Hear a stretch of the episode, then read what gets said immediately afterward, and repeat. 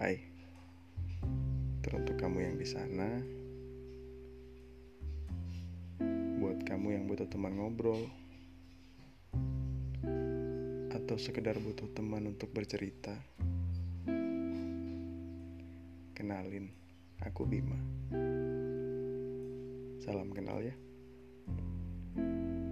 Semoga dengan cerita-ceritaku ini kita bisa saling dekat satu sama dengerin aku ya.